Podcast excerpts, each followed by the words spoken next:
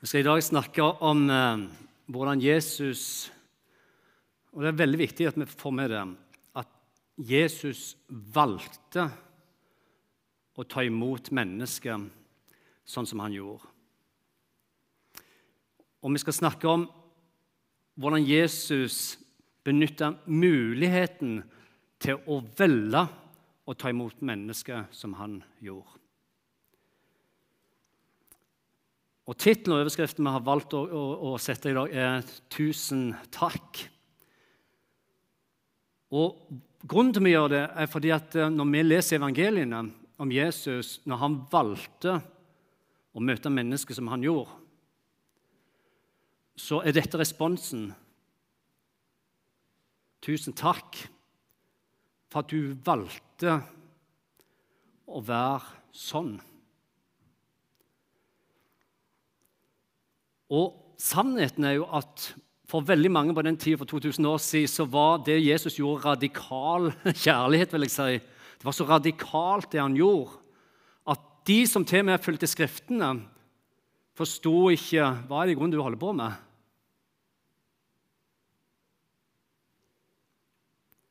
Til og med folket som gikk rundt han daglig, til, og med ned til de tolv disiplene, så radikalt Jesus. Hvorfor så radikal kjærlighet? For her er tingen, og det er det som er At til og med nå, 2000 år etter,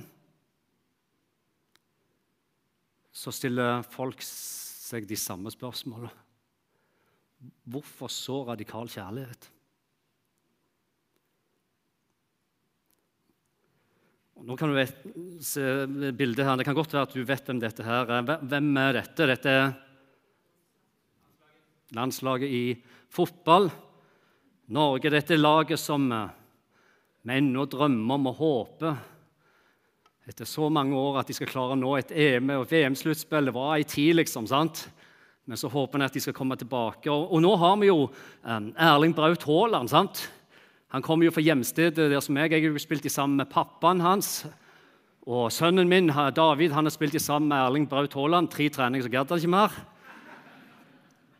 Men det er liksom Erling Braut Haaland vi har en del sånn kjente personligheter. Du har Martin Ødegaard sant? spilt i Real Madrid og med i Arsenal nå og gjør det veldig veldig godt. Du har Joshua King, du har Christian Thorstvedt, sønnen av Erik Thorstvedt den store. Uh, Eleonor Sissi, eller hva det heter. Jeg kommer ikke på navnet hans. Men du har mange sånne gode spillere nå. Så det er liksom sånn at en kjenner at nå er det noe på gang.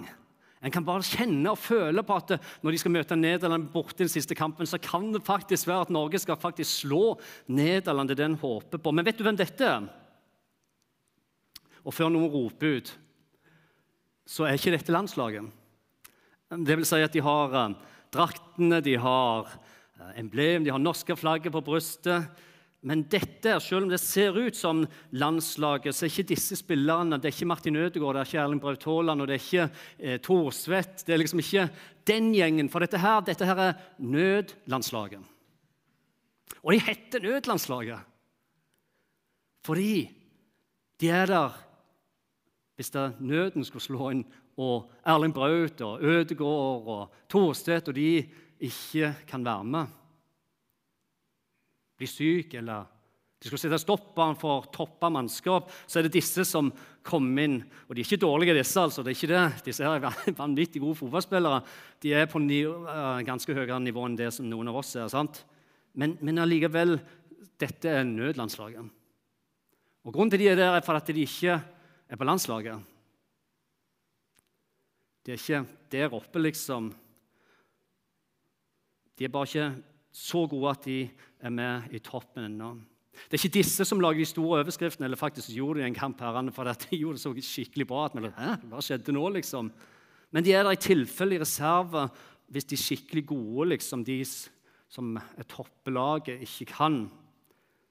Når Jesus gikk rundt og samla sine disipler og sa 'følg meg', så var det sannsynlig en del som lurte på hva er det i grunnen du holder på med, Jesus. Fordi alle andre rabbier de velger på topphylla. De. La oss finne de med kunnskap, de som kan Skriftene. La oss ikke bruke mye tid på ting som ikke er vesentlige her. La oss gå rett til kilden. La oss derfor plukke de som er på A-landslaget, de som topper lista. Men Jesus gjorde ikke det. Og Her er det veldig veldig viktig at vi får med oss eh, at når Jesus velger en fisker eller to, og velger toller, Matteus osv., så, videre, så gjør han det helt bevisst.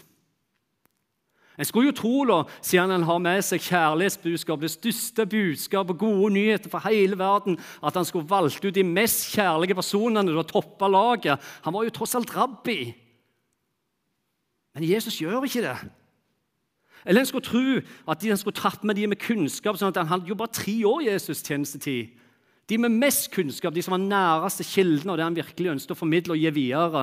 En skulle tro at han plukte de som hadde studert. I hvert fall hadde den samme ideologien, som betyr det samme idésystemet som jeg gikk om, med grunnsyn eller samfunnssyn som Jesus hadde. Men Jesus han gjorde ikke det, og enda viktigere, og dette må vi få med oss. Han valgte helt bevisst å ikke gjøre det. Der alle andre vil toppe laget der ville Jesus ikke ta nødlandslag engang.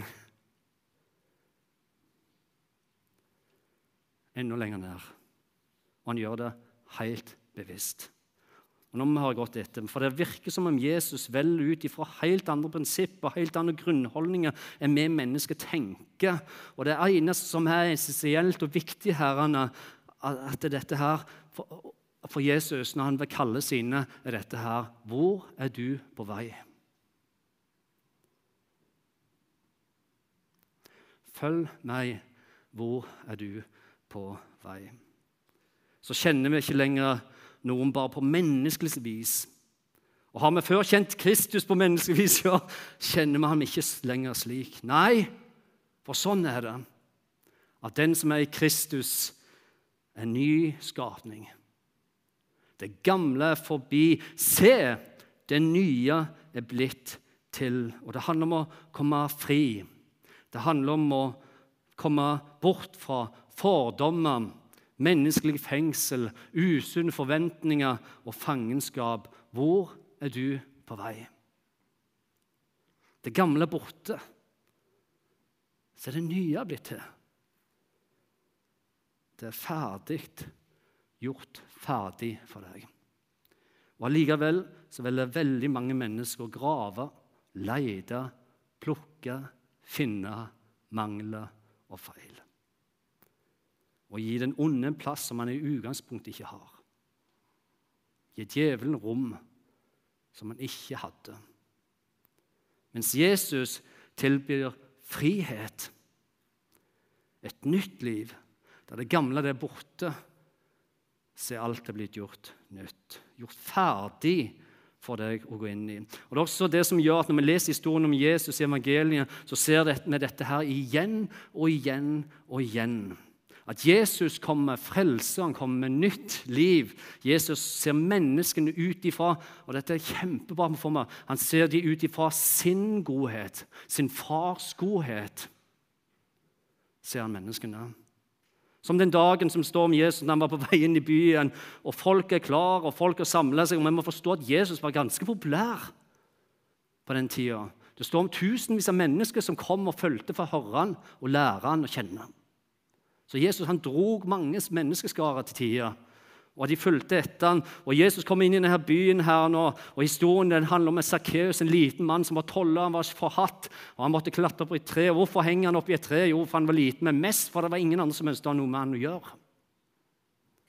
Og Sakkeus, tolleren, svindleren, svikeren, som lette på skyggesida av det Gud ønsket for han. Når Jesus kom inn i byen, så stoppa han med han. Av alle mennesker. Og mange vil si krise. Dårlig valg. Og du som er profet, du burde visst bedre. Og så velger Jesus å se denne mannen og invitere seg hjem til han. Bruke tid sammen og forvandle Sakkeus sitt liv. Hvis jeg har gjort dette, så skal jeg gi firedobbelt tilbake. La meg få begynne på nytt. Ja, det gamle er borte. Du har fått et nytt liv. Eller denne kvinnen med brønnen i Samaria som står om hun som levde på skyggesida av det som Gud ønsket for henne, som har levd på en måte som gjorde at ingen ønsket å ha noe med henne å gjøre. Eller hun var den som alle snakket om, men ingen snakket med. Har vi hørt om sånne mennesker? Ja, de fins. I dag også. Utstøtt, alene, forlatt, misbrukt. Helt til Jesus kommer. Og Der alle velger å gå rundt Samaria for det at vi kan ikke gå inn der, for der er det urein. Det bryr ikke Jesus seg om. Han går midt gjennom. Fordi han har en avtale med ei dame som skal sitte med en brønn. Han setter seg ned, han bruker timene, han ser henne, og han inviterer henne til et nytt liv. Har det gamle forbi. Alt er blitt gjort nytt. Eller når vi snakker om småbarnsforeldre, vi har to barnevelsignelser i dag. Og Her står det om småbarnsforeldrene som kommer til Jesus og velsigner dem. Disiplene de har ikke tid, for Jesus har kun tre år som har det travelt. Og Barna hadde ikke den verdien på den tida som de har nå i dag. Så de begynte å skyve bort. Og Det står at Jesus ble sint her. Og Det står kun to plasser i evangeliene. Og det andre plassen han vek, eh, kaster seg over pengevekslernes bord i tempelet og rydde ut. og det står sin. Og jeg tenker Følelsen for Simon Peter og disiplene her når de holder på, for de tenker at nå gjør vi en god jobb for Jesus. Og så hører vi Jesus, og hvis du leser teksten Hei! Hva er det dere holder på med? Og jeg tenker Det går kaldt nedover ryggen til Simon Peter. Hold ikke borte. Ikke ett menneske skal holdes borte for meg. For Jesus han har tid. Selv om han har det travelt, så velger Jesus ha tid. Og han velger å se mennesket fordi han ser med Guds øyne. Han gir dem et nytt liv. Velsigne barna. Eller denne kvinnen som står og blir tatt i henne. Ei kvinne som er på et sted hun absolutt ikke skulle vært. Hun blir tatt på fersken, og, og de drar henne framfor Jesus. De står med steinen i ene hånden og loven i andre hånda. Hva er det Jesus gjør? Han er det eneste som velger å bøye seg ned på hennes nivå. Og ser han dypt inn i øynene med empati og medfølelse og spør hvor, hvorfor havna du her? Hva har skjedd med deg? Og Det ender opp med at alle kaster steinene, og de går hver til sitt igjen, og Jesus er alene med kvinna. Og han inviterer henne inn til et nytt liv. Det gamle er borte, så er alt blitt gjort nytt. Jesus redder henne, og han har tid til å se henne, han har tid til å være hos henne, og han har tid til å beskytte henne. For alle andre som kommer med fordommer, med dom. Der beskytter han henne. Og til slutt, i sin mørkeste time, da Jesus sier til meg her, idet han bærer all verdens synd på sine skuldre, i sin største kamp, så velger Jesus å se og ha tid til et menneske. Det står om to forbrytere. En spotter, den andre han ber Jesus kan du huske på meg når du kommer til ditt rike. Og Jesus, hva gjør han? Jo, han har også her. Når han bærer våre synder, all verdens synd så velger han også her å ha tid til et menneske som korsfester ham på sundet fordi han var nødt til å ta hans synd. I dag skal du få være med meg til paradis. Fordi det gamle er borte, så alt jeg gir deg et nytt liv.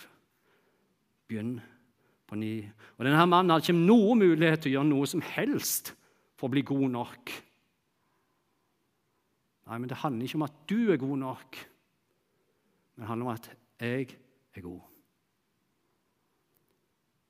Og Hvorfor er det slik? da? Jo, det er slik fordi det aldri kommer til å handle om at noen av oss presterer nok til å bli god nok. Det vil alltid handle om at Jesus er god. For så høyt har Gud elsket verden at han ga sin sønn den innbåndne, for hver den som tror på ham, ikke skal gå fortapt, men få et evig liv.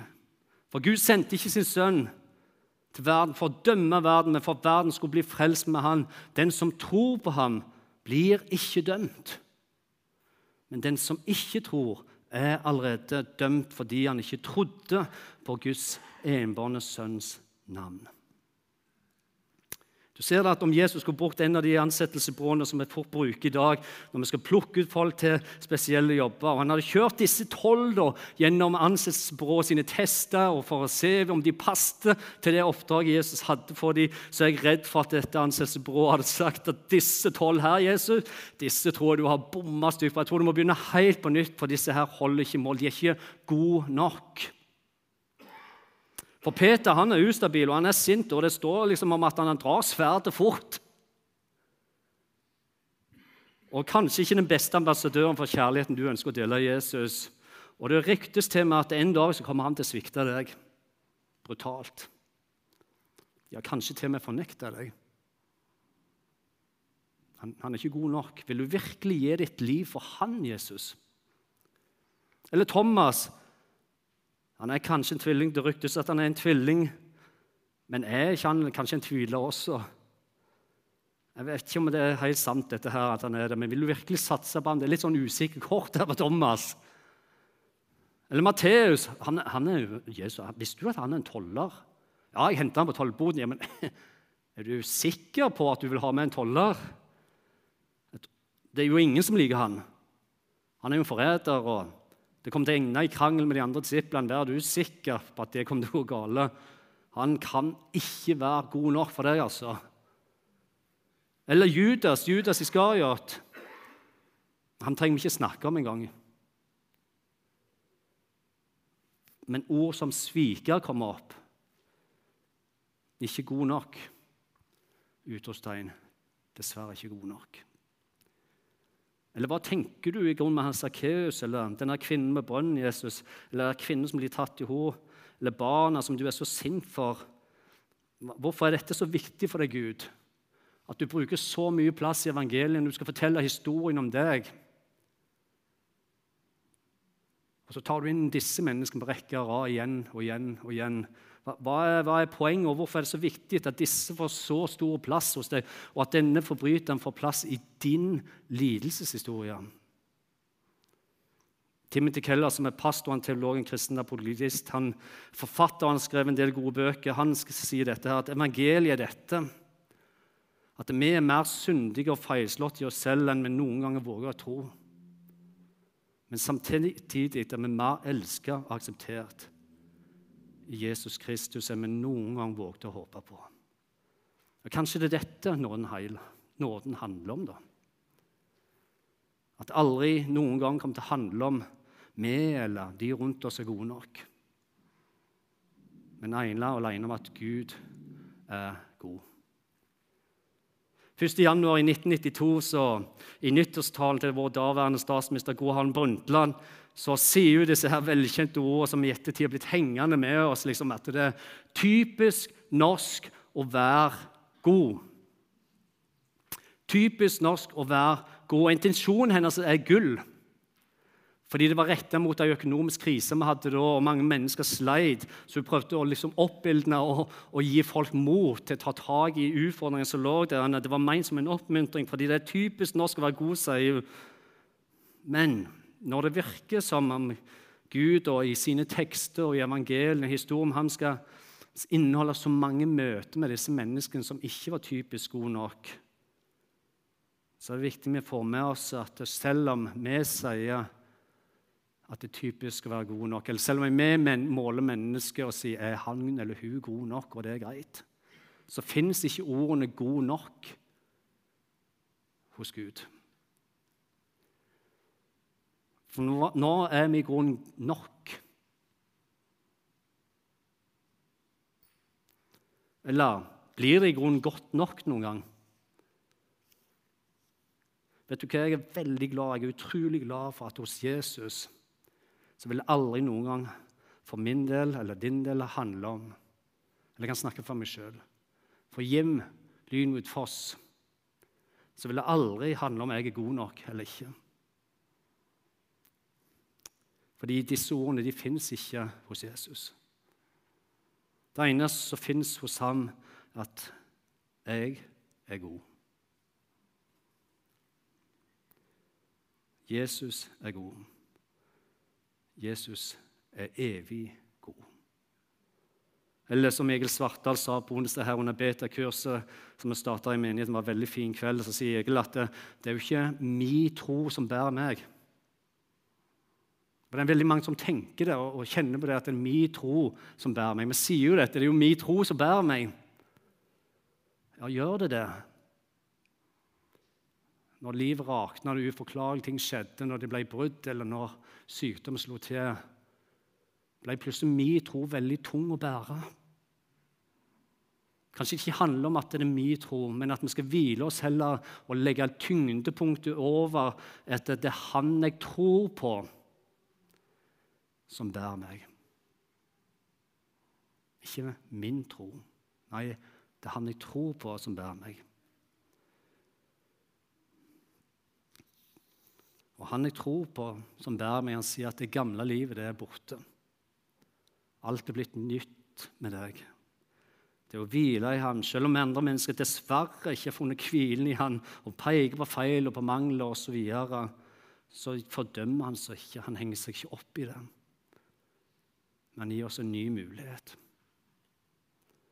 Av Hans fylde har vi alle fått nåde over nåde, står det. For loven ble gitt Moses, men nåden og sannheten kom med Jesus Kristus. Og Her er det ikke 50% nåde og 50% sannhet. Her er det 100% nåde og 100% sannhet.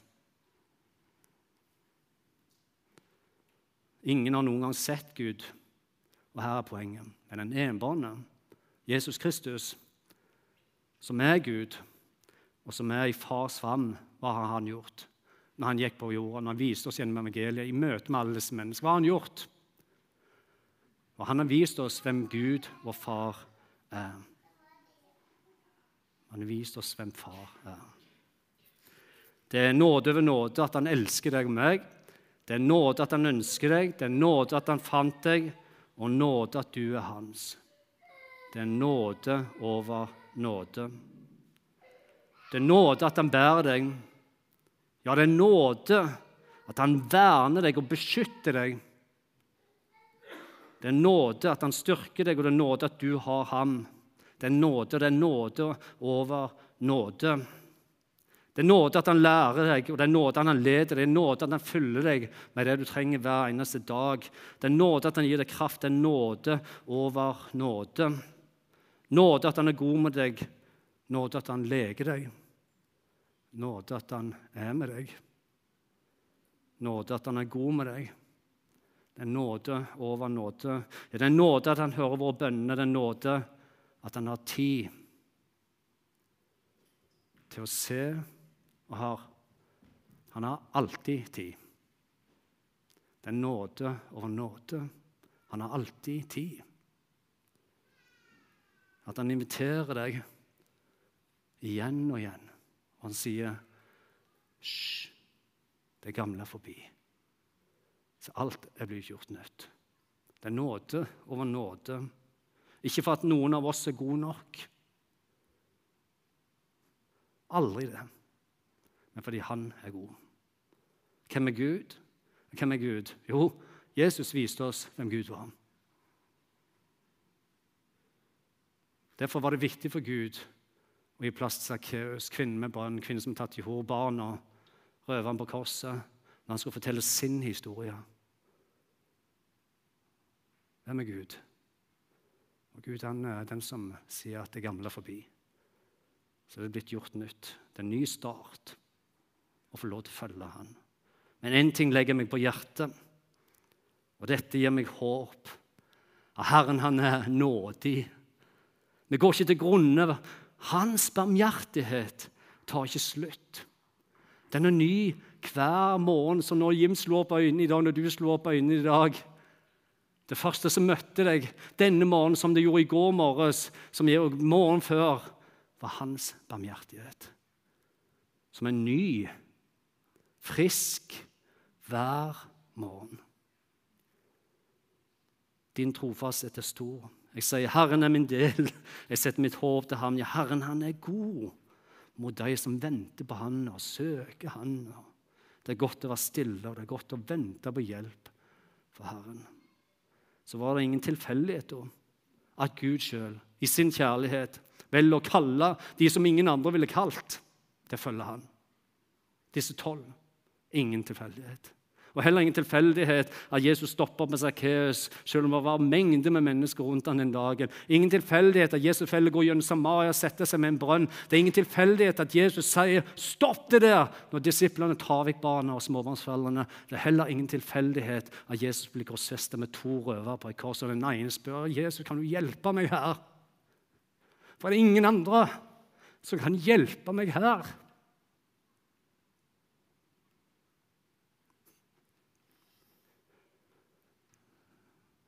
Jesus sier så klart skal jeg elske deg som jeg elsker alle andre mennesker. Det gamle er forbi. Og i dag skal du få med meg til paradiset. Hva er det Gud gjør i evangelien sin og historien om seg sjøl? Han tar en forbryter som ingen mennesker ønsker å ha her lenger. Og Han lar han bli den første til går på, på sin vei til paradis. Hva er det for en statement? Hva sier det til oss? Denne som var fullstendig hjelpeløs. Men Gud elsker, og han gir nytt liv. Og hvorfor er det sånn? For det handler ikke om at vi er gode nok. Men det handler om at han er evig, evig god. Han gir oss en ny start, et nytt liv. Hans barmhjertighet er ny hver eneste morgen. For den som er i Kristus, er en ny skapning, og det gamle er borte, så er alt er blitt gjort. Og Derfor så sier jeg som er disse Og jeg tipper denne forbryteren, hvis jeg går til paradis, sier tusen takk, altså. For det handler ikke om meg. Det handler om at du er evig god. Tusen takk. Så skal vi be sammen til slutt. Gode Far i himmelen, vi priser og vi ærer deg og takker deg for din godhet. Derfor det står i ditt ord at du, når du vandra på jorda, her, Jesus, så gjorde du det for å vise hvem Gud, vår Far, er. Hos deg var det alltid plass, og det var plass til alle. og Du gjør det helt bevisst. Du velger de som ingen andre vil ha. De som folk snakker om, men som ikke ønsker å være med. De som folk hater, men som du elsker. De som folk ønsker bort herifra, ønsker du å være sammen med. De som ingen har tro på, ser du muligheter hos. Den som det har gått i gale for tusen ganger, den gir du mulighet på ny igjen tusen ganger. Takk for din godhet. Og du hjelper oss at vi ser det samme i mennesket vi har rundt oss, som du ser, Herre slik at vi ikke blir stående i veien for din kjærlighet, din nåde. Takk for at vi våkner i dag til din barmhjertighet. Og Det gjør vi i morgen hvis vi får lov til det. Og Din barmhjertighet er nå sånn at den er frisk og den er ny hver morgen. Og Hver dag skal vi våkne opp med den vissheten om at vi er høyt elsket at du ønsker bare det beste for vår liv. Takk, gode far. Jeg ber i Jesu navn. Amen.